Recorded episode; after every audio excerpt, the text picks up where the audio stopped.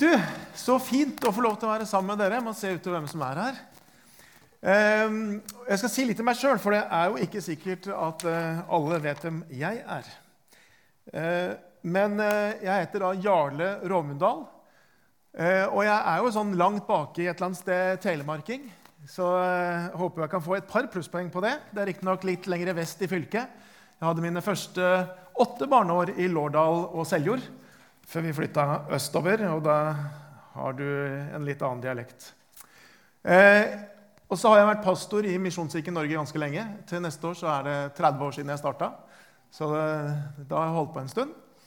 Eh, og nå har jeg vært ni år i Randesund misjonskirke og eh, har hatt, eh, hatt, veldig fine år der. Jeg er gift, jeg har tre barn. Eh, som eh, alle har flytta ut hjemmefra. Eh, mellomste, dattera vår, har eh, akkurat forlova seg, men fra Skien. Så det er jo Jeg vet ikke om det er bra eller Det er bra, ja. Kanskje kunne være litt usikker på om det var litt sånn bra eller dårlig her. Det er liksom sånn lokale Men vi er i hvert fall veldig glad for akkurat det. Eh, hvis jeg Håper jeg har den på. Jeg har lyst til å ta oss med litt tilbake til eh, litt på seinsommeren. For da tror jeg veldig mange av oss eh, satt og så på TV 8. august klokka ti på halv to. Er det noen som husker om du gjorde det? Da var det i hvert fall OL, og det var 1500-meterfinale, og Jakob Ingebrigtsen sto på startstreken. Da var det noen som så, ikke sant? Og da fikk vi se Jakob Ingebrigtsen hadde på mange måter det perfekte løp og det perfekte opplegg. Og han vant på tiden 3.28,32, som er norsk rekord, europeisk rekord, olympisk rekord. Um, og så vet jeg ikke om du husker det, men Jakob han, han løp fram til kamera og så sa han inn i kameraet sånn Det var lett, sa han. Husker dere det? Og så eh, tenker jeg han må, han ha vært så høyt oppe.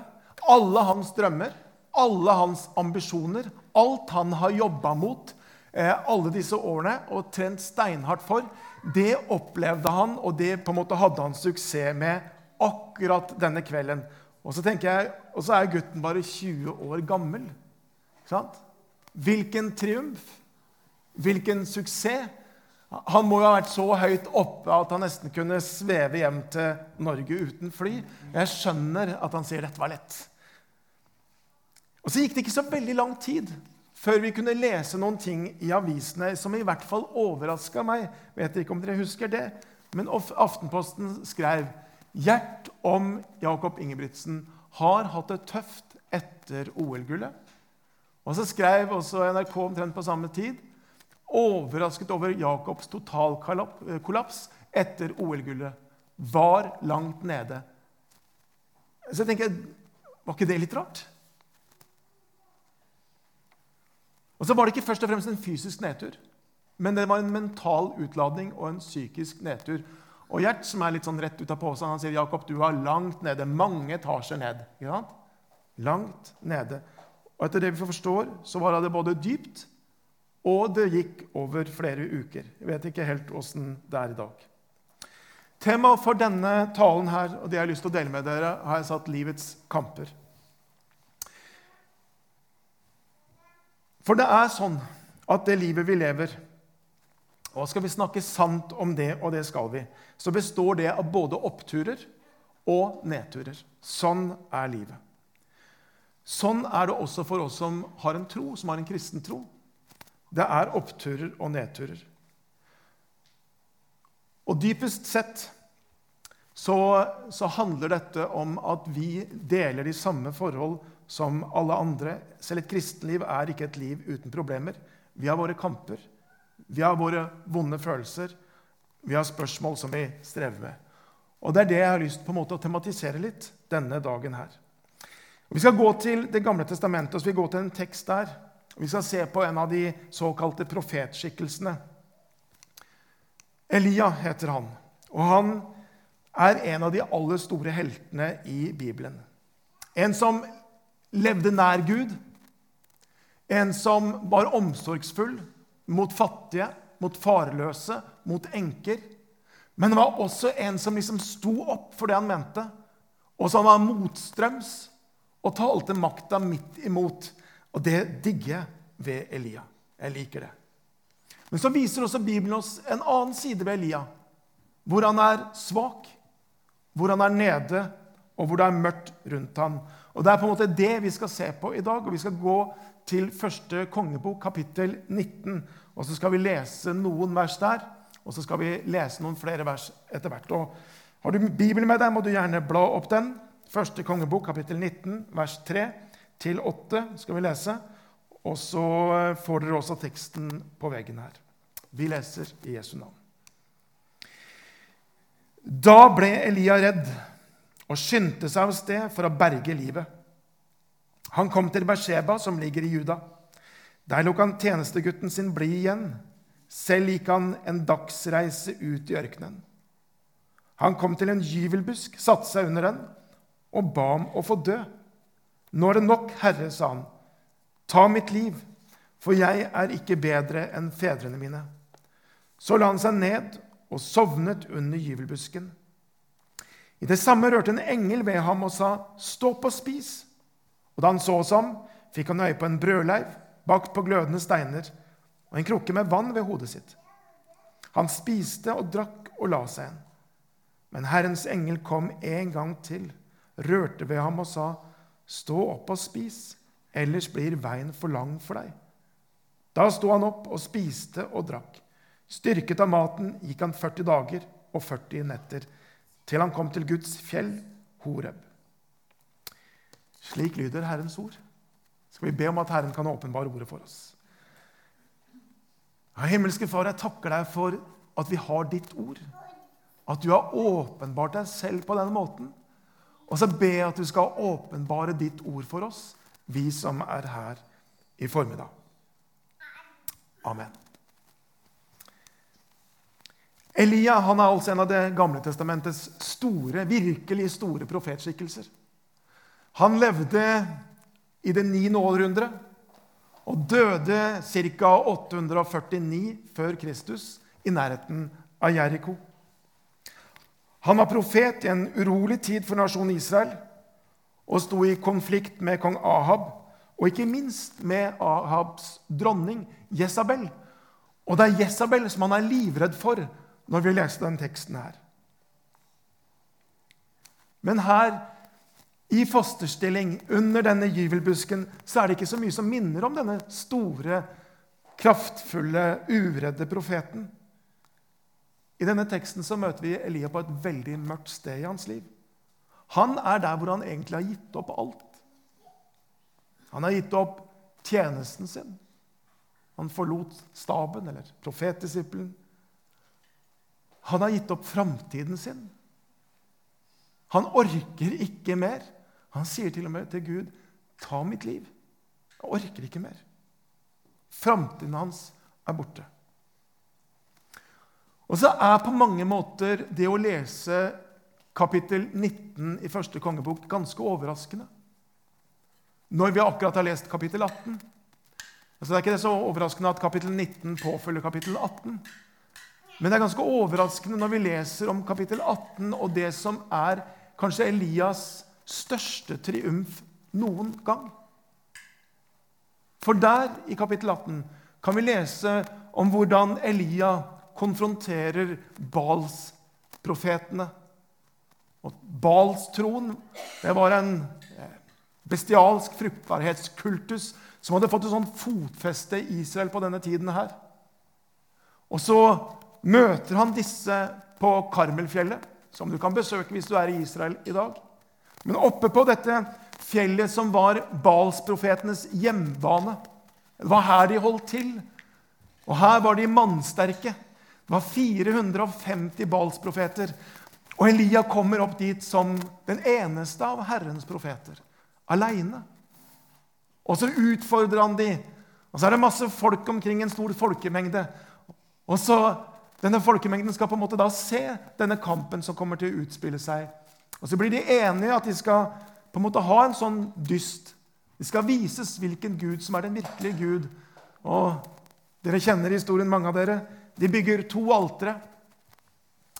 Den ene av disse alterne for Gud, Herren Gud, Israels Gud. Den andre, det alteret for Bals Gud. De får ved opp på toppen av disse alterne, de legger kjøtt på. Og så er dealen det at den Gud som antenner offeret, ja, det skal være den Gud som er den virkelige Gud. Og Baal-profetene de er først ute. De ber, de roper, de herjer på, de risper seg med spyd. Og så holder de på hele dagen for å få Bal til å svare. Og så er det ingenting som skjer. Ja? Det, er ikke, det er ikke en liten røykstrime fra veden engang. Kjøttet er like kaldt. Det er ikke lunkent engang. Det er ingenting som skjer. Og så er det Elias sin tur. Og Elia han ber bare en enkel bønn. Han sier, 'Herre, Abrahams, Isak og Israels Gud.' La det i dag bli kjent at du er Gud i Israel, at jeg er din tjener, og at det er på ditt ord jeg har gjort alt dette. Og så voff, Og så står det Da for Herrens ild ned og fortærte både brennoffer og veden, steinene og jorden, og slikket opp vannet som var i grøften. Israels Gud, som er vår Gud, det er han som svarer med ild, og på en enorm sterk måte. Gud viser seg som den virkelige Gud denne dagen. Og folket som sto og så, og som hadde halta til liksom begge sider De liksom hadde sittet på gjerdet, de hadde ikke tatt noe valg. De liksom ville ikke ta, ta noe valg og avgjøre hvem som var den virkelige Gud. Når de ser det som skjer, så står det følgende Da folket så det, kastet de seg ned med ansiktet mot jorden og sa, Herren, han er Gud. Herren, han er Gud. Jeg tenker, hvilken triumf! Ja, Hvilken seier! Det må jo være enhver vekkelsespredikants store drøm. Skjønner du? Liksom At Gud svarer på denne måten her. Hvilken utrolig seier. Jeg er sikker på at Elia kjente det. At, eh, at på en måte må ha vært euforisk å oppleve det han da opplevde. Å se Gud svare på den måten der. Og så står det at han løper av gårde til Israel et langt stykke. Men det er altså ikke langt ifra toppene i Elias liv til bunnpunktene. Det er ikke langt fra kapittel 18 til kapittel 19 i første kongebok. Det går ikke mange dager fra han har vunnet denne triumferende seieren, til han sitter der ute i ørkenen under gyvelbusken, og ting er fryktelig vanskelig. Og Det er sånn i våre liv òg. Det er ikke alltid det er så langt fra de store høyder til de dype dybder. Personlig må jeg si at jeg kjenner meg igjen i Elia. Ikke når han er på Karmel. Jeg er ikke modig. Jeg tror jeg hadde løpt av gårde det forteste jeg kunne med halen mellom beina i en sånn konfrontasjon. Men jeg kan kjenne meg igjen i Elia under jubelbusken. der han kjenner at han har lyst til å gi opp. Der han kjenner dette orker jeg ikke mer. Nå gir jeg opp. Nå gir jeg opp tjenesten. Nå gir jeg opp framtiden. Nå gir jeg opp. Jeg kan kjenne meg igjen i det.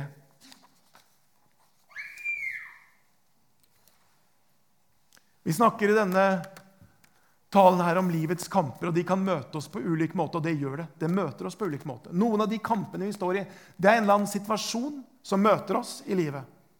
Og så på en måte er det kanskje bare den ene gangen at vi møter den situasjonen, og så må vi stå det gjennom, så må vi stå i det, og så må vi på en måte tåle det som kommer. Noen kamper er sånn. Men det er noen kamper i våre liv som på en måte har en tendens til å komme igjen. Det er akkurat som det på en måte er noe i dypet av vår personlighet som på en måte gjør at vi havner inn i det sporet. Som en tilbøyelighet. Som på en måte en sånn livets grøft som er der, som vi stadig vekk kjenner at vi kan falle litt nedi.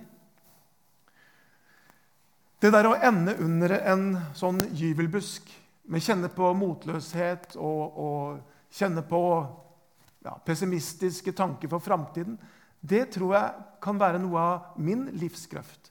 Der kan jeg ende nedi noen ganger, og jeg har gjort det noen ganger gjennom livet på ulik måte. Og noen av kampene ser sånn ut. Bekymring, framtidspessimisme, skumringslandskap. Det er liksom noen av mine tilbøyeligheter, noe av det som finnes i mitt skyggelandskap. Vet du forresten hvordan en gyvelbusk ser ut? Er det noen som vet det? Den ser sånn ut, i hvert fall den gule typen. Den har kjempefine gule blomster og så har den litt sånn store belgfrukter. Den finnes egentlig ikke i norsk fauna, men den har kommet her. Så når jeg liksom googla og så det bildet, så tenkte jeg det er jo litt irriterende for der jeg bor. Der finnes det masse av disse som vokser vilt. Og det at det skulle være så kort avstand fra meg til gyvelbusken Nei, jeg vet ikke om jeg helt likte det. Så du skjønner hva jeg mener. Så Det første jeg har lyst til å peke på i dag, og det er det jeg snakker om i dette første punktet, det er dette at kamper er en del av dette livet. Kamper er en del av dette livet. Og akkurat nå så snakker vi om det å kjempe med motløshet, frykt, mørke. Det er også en del av dette livet, også for store gudsmenn, sånn som Elia. Jeg møter av og til mennesker. Av og til så kan jeg lese om mennesker som forteller at de mistet troen på Gud fordi de gikk igjennom noe som var krevende i livet. De møtte det vonde.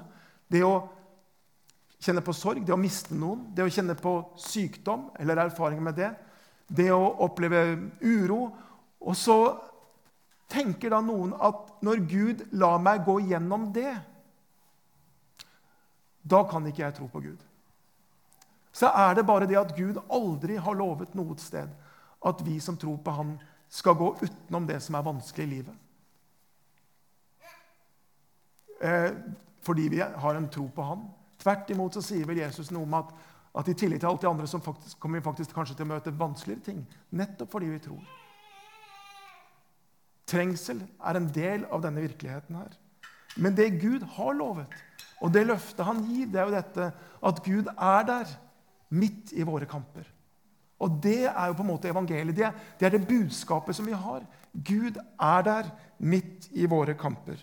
Der finnes Gud. Våren 2004, det var eh, en tid eller et år hvor jeg i mitt liv og min tjeneste møtte en eller annen form for en vegg. Sånn som vi sier. Jeg møtte veggen. Påsken, eller 2004, rett etter påske, så kjente jeg bare at det var ikke noen krefter igjen hos meg. Og Jeg måtte ut i en sykemelding. Og så hadde vi et stort kollegialt fellesskap i Arendal.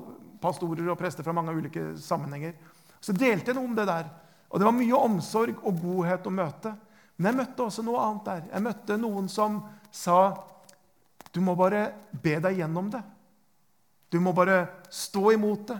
Du vet, Gud har ikke gitt oss motløshetsånd. Og så var det der, det var veldig godt ment. Det var ment som omsorg. Men det landa ikke der hos meg. Jeg kjente at det var krevende. I denne teksten så ser vi at Gud møter Elia midt i hans mørke, hvor han er langt nede, og hvor han sier 'Jeg orker ikke mer'. Der er Gud, der er Guds omsorg. Og så syns jeg denne teksten her gir en sånn helhetsbilde hva en sånn omsorg handler om. Hvordan? På hvilken måte har Gud omsorg for oss? da? Og Det første er at, at det møter oss på en veldig praktisk måte. En nydelig måte, en nydelig beskrivelse av Guds omsorg. Kjærlighet uten baktanker. Rein nåde. For det står I det samme rørte en engel ved ham og sa, 'Stå opp og spis.' Da han så oss om, fikk han øye på en brødleiv bakt på glødende steiner. Det er basically pizza, ikke sant?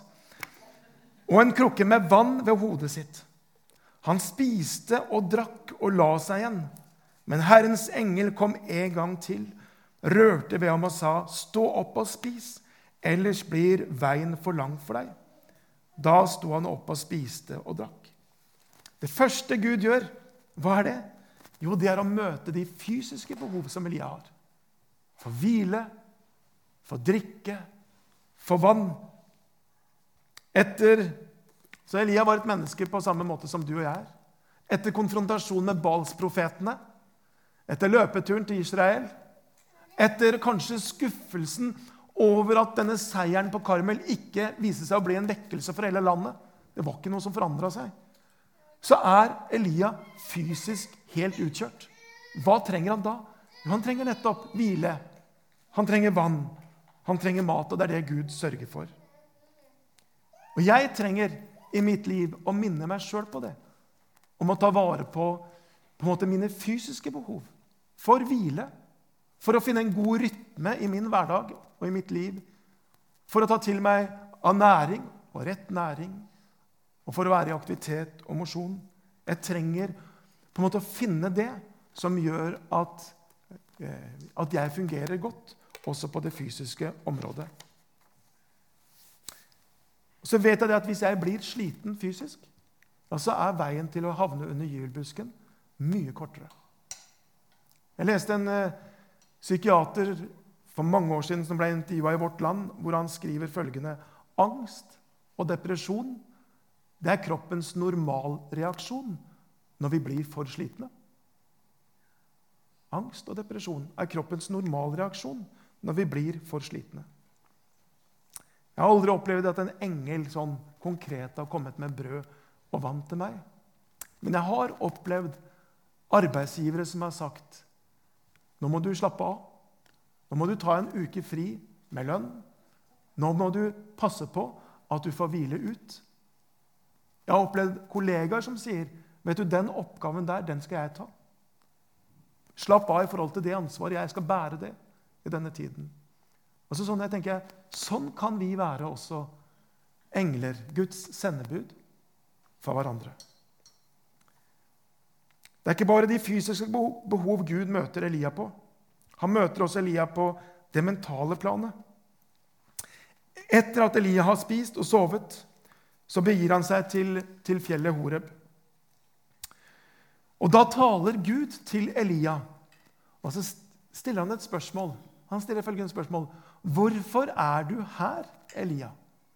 Det er jo veldig interessant at den allvitende Gud stiller spørsmål. Ikke sant? Gud vet jo hvorfor Elia er der. Han vet det mye bedre enn Elia sjøl. Så når Gud stiller det spørsmålet, så er det jo ikke Gud som trenger den informasjonen. Hva er det for noe? Det er Elias som trenger den refleksjonen. Så stiller han det spørsmålet. Hvorfor er du her? Og så vil Gud hjelpe Elia ut av de tankebaner, ut av det tankekjøret som gjør at han er der, og som er på en måte fyrer opp under hans motløshet og angst. For sånn er det tankene virker. Og så sier Elia følgende jeg har vist brennende iver for Herren, herskarenes Gud. For israelittene har forlatt din pakt. Dine alter har de revet ned, og dine profeter har de drept med sverd. Jeg er den eneste som er igjen, og nå står de meg etter livet. Hører dere hva han gjør? Det første er jo en anklage mot Gud, hvor han sier, 'Her har jeg vist brennende iver.' Og så går alt rett vest allikevel. Hvor har du vært, Gud? Det er dine alter. Det er dine profeter. Hvor har du vært i alt dette? Og så tenker jeg, Der går det an å være, hvor man tenker og sier omtrent som følgende Her har jeg prikk, prikk, prikk. Og så skjer prikk, prikk, prikk. Har du tenkt det noen gang? Og så kan det være retta mot Gud. Ja, eller det kan være rettet mot mennesker. Og Som pastorer så kan vi noen gang rette det mot menigheten. Og så kjenner vi at vi er urettferdig behandla. Og så er det ingen som ser hva jeg gjør. Og så er det ingen som er takknemlig for at det jeg gjør. Og så holder vi på den type tankekjør. Hjelper det? Nei, det gjør ikke det. Det er bare enda en sånn omdreining om denne onde spiralen som på en måte bare fyrer opp under motløshet og angst og framtidsfrykt eller mangel på framtid. Og så blir vi liggende der i en sånn kvern. Og så er det jo ikke sant heller. Det er ikke sant sånn når det gjelder Gud. Det er jo ikke sånn at hvis jeg er brennende ivrig, så gjør Gud alt jeg vil. Det er ikke sånn. Det er ikke sånn det handler om. Jeg kan aldri kontrollere, kontrollere Gud. Og det er jo ikke sånn, sant heller i forhold til mennesker omkring oss. når vi klarer å løfte blikket litt. Det andre han sier La dere merke hva det var. Det er dette. Jeg er den eneste igjen, sier han. Han sier at alle andre har svikta. Alle andre har bøyd kne for tidsånden. Alle andre har begynt å tilbe Bal i hans setting. Så tenker jeg, Der kan også vi noen ganger kjenne oss igjen på den ene eller på den andre måten. Og Som kristne i dag så kan vi kjenne oss igjen at det er så mange som endrer teologi, det er så mange som tenker annerledes plutselig. Og så kan vi kjenne oss vi er den eneste igjen. Jeg er den eneste igjen. Og så er jo heller ikke dette sant, da. Og det er jo det som vi ser hvis vi leser noen få vers videre.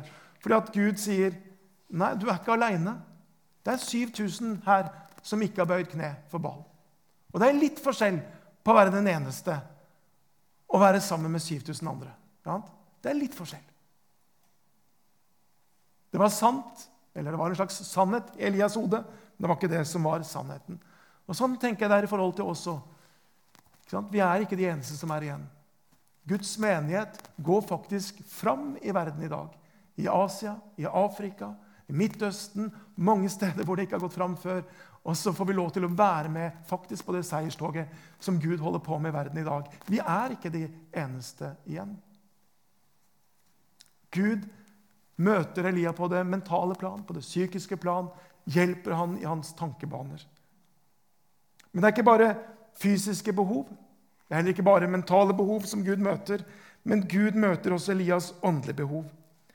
For noe av Elias' kamp handler faktisk om dette, at han har svikta som, som eh, både menneske, men også som profet. Han sier, 'For jeg er ikke bedre enn mine fedre'. sier han. Jeg er ikke bedre enn mine fedre. Han er usikker på seg sjøl, men han er også faktisk usikker på Gud. Om Gud holder det han lover, om Gud er til å stole på, er Gud der. Og Når Elia har kommet til Horepfjellet, er i denne hulen, denne kløften, så taler Gud til ham og sier Da sa Herren, gå ut og still deg opp på fjellet for Herrens ansikt, så vil Herren gå forbi. Og Så står han der i denne hulen, i denne kløften, og så går Herren forbi. Først står det at det kommer en voldsom storm. Ja, som blåser, og som rister, og som skaker alt. Men så merker han Herren er ikke denne stormen. Så kommer det et jordskjelv som skaker og som rister alt til sine grunnvoller. Men Herren er heller ikke i denne stormen. Så kommer det ild, men heller ikke der er Herren. Selv om Gud tidligere har åpenbart seg både gjennom storm og jordskjelv og ild, men ikke denne gangen. Og så står det følgende at etter disse naturfenomenene, disse voldsomme naturfenomenene har fart forbi, men så blir det stille. Veldig stille. Det var som lyden av skjør stillhet. Og der, i denne skjøre stillheten, så møter Elia Herren. Og Herren taler til ham Elia får møte Guds ord. Og i dette nærværet som er der, så blir Elia lekt på sin sjel. Han blir fylt opp i sin ånd. Han blir reist opp som et menneske. Og så blir han reordinert til tjeneste. Han blir gjeninnsatt som profet, og Herren sier, 'Du skal gå ut den samme vei som du kom.' Og så forteller Herren hva han skal gjøre som profet. Og så starter et nytt kapittel Elias' liv. Der i møte med Gud, i denne skjøre stillheten.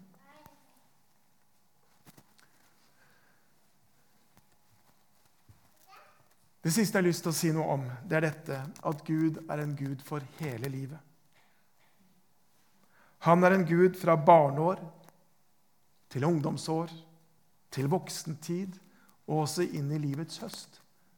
Gud er en Gud fra vugge til grav og helt inn i evigheten. Gud er en Gud for hele livet. Gud er en Gud for livets oppturer og nedturer. Det har vi sett i dag. Elia erfarte nettopp det. Gud var der på Karmel. Gud var der på Horeb. på fjellene. Men Gud var også der, nede i ørkenen, under gyvelbusken. Der var også Gud. En Gud for hele livet. Og Så kan jeg jo spørre Var Elias sitt problem var det fysisk? Var det åndelig? Var det mentalt? Svaret er jo ja. Det var alle disse tre tingene. Og Det er det jeg tenker gjør Bibelen så utrolig troverdig og så bærekraftig. Møten, måten vi møter denne på en måte vanskeligheter i livet på, avdekker gjerne hvilket livssyn vi har, hvilket livsperspektiv eller hvilket verdensbilde vi har. Hvis vi tenker dypest sett at mennesket egentlig bare er fysisk, ja, så blir følelsene våre kjemi. Og da, Hvordan skal vi på en måte fikse da på en måte våre mørke følelser? Jo, da handler det jo på en måte om å gjerne spise, trene og gjøre de tingene der som gjør, på en måte handler om det fysiske. Det handler kanskje om å, om, om å ta noe medisin som kan balansere kje, den kjemiske balansen i kroppen. Og det kan være nødvendig. Hvis vi tenker at livet først og fremst er åndelig, hva da? Jo, da handler det om at da må vi be mer. Da må vi bekjenne mer. Da må vi handle mer, gjøre de rette tingene. Eller i en nyreligiøs setting så vil man jo si at man må på en måte ordne energibanene. F.eks. gjennom å kjøpe riktige krystaller, eller hva det er. Da reduseres mennesket kun til ånd. Hvis man først og fremst tenker at denne type problemer handler om det mentale og det psykiske, ja, da er det gjerne samtale. Da må vi snakke sammen, og vi kan snakke oss ut av disse problemene. Og, her er det ingen som har de rette svarene, her er det ingen som er for å dømme, men vi skal lytte. Og så tenker jeg Alle de tre, tingene, eller tre elementene, tre sidene, har jo noe sant ved seg. Men jeg tenker det bibelske verdensbildet og det kristne livssynet integrerer disse områdene som ikke noe annet livssyn. Og Derfor så, tenker jeg, så er det så bærekraftig. Derfor så holder det gjennom hele livet. Og Gud er en Gud som ikke bare har omsorg for vår ånd, men sånn som jeg har sett i dag, han har omsorg også for våre fysiske behov og for det som skjer i det mentale. Gud er en Gud for hele mennesket og hele livet. Avslutningsvis vi skal spole nesten 1000 år fram i tid, til et annet tre, til et oliventre. En, et annet sted, ikke en ørken, men i en hage. For der er det en annen person som har noe av sin dypeste mørke. Jesus Kristus i Getsemane. Og han har sin livs kamp der.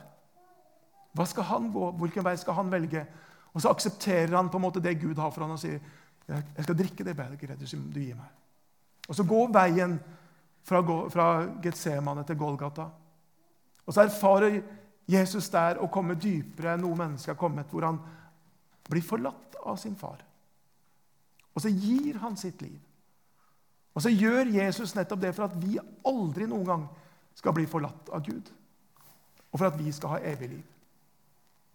Og så kan vi få lov til å hvile inn i det. Og så kan vi få lov til å holde blikket på Han, slik at vi ikke blir motløse og trette, som det står i Hebrevet. Han skal få lov til å være der. Og så, Noe av det siste Jesus sier, er jo dette å se jeg med dere alle dager inntil verdens ende. Det betyr alle slags dager. De gode, de vonde, de lyse, de mørke, de enkle, de kompliserte.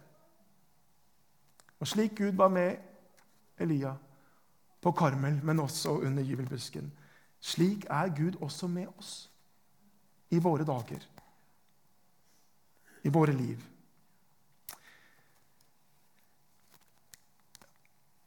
Jeg har bare lyst til å sitere sang, noen sangstrofer fra en av de mer moderne lovsangene som jeg har blitt veldig glad i.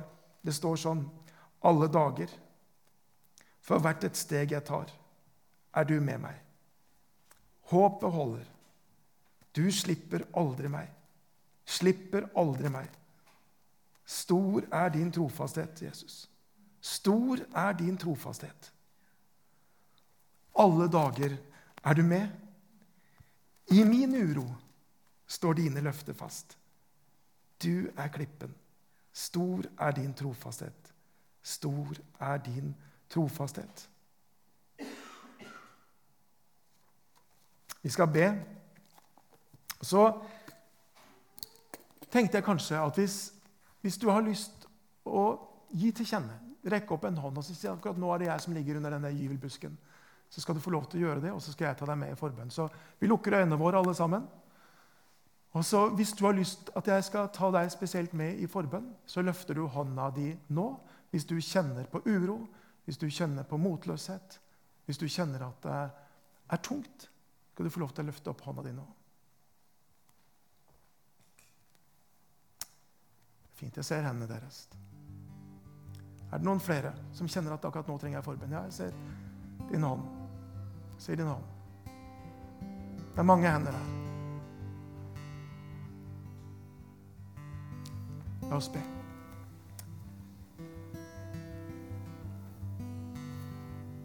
Kjære Jesus, du som har lovet å være med oss alle dager. Takk for at du er her akkurat nå. Takk for at du står foran den enkelte av oss. Du er nær oss. Du er tett på oss. Takk for at du vet hvorfor vi er akkurat der vi er. Og takk for at du vet om livet til alle de som rakk opp hendene. Du vet nøyaktig hva det handler om. Og så har jeg bare lyst til å be at du skal komme sånn som Gud kom til Elia. Må du komme med hvile. Må du komme med ro i tankene. Og må du fylle på med din ånd, Herre. Jeg ber. Jeg ber at du skal møte oss, Herre, i det dypeste av vår personlighet. Sånn at du kan få lov til å virke i våre liv. At du kan gjøre ditt verk, Herre. Jeg ber. Og takk for at du har omsorg for alle dagene, men, men også alle sider ved livet vårt, Herre. Jeg ber, Herre, at du skal komme nær. Du skal komme nær, Herre. At du skal vise deg for oss. At i ditt nærvær så skal du lege oss, Herre. I ditt navn jeg ber. I Jesu navn. Amen.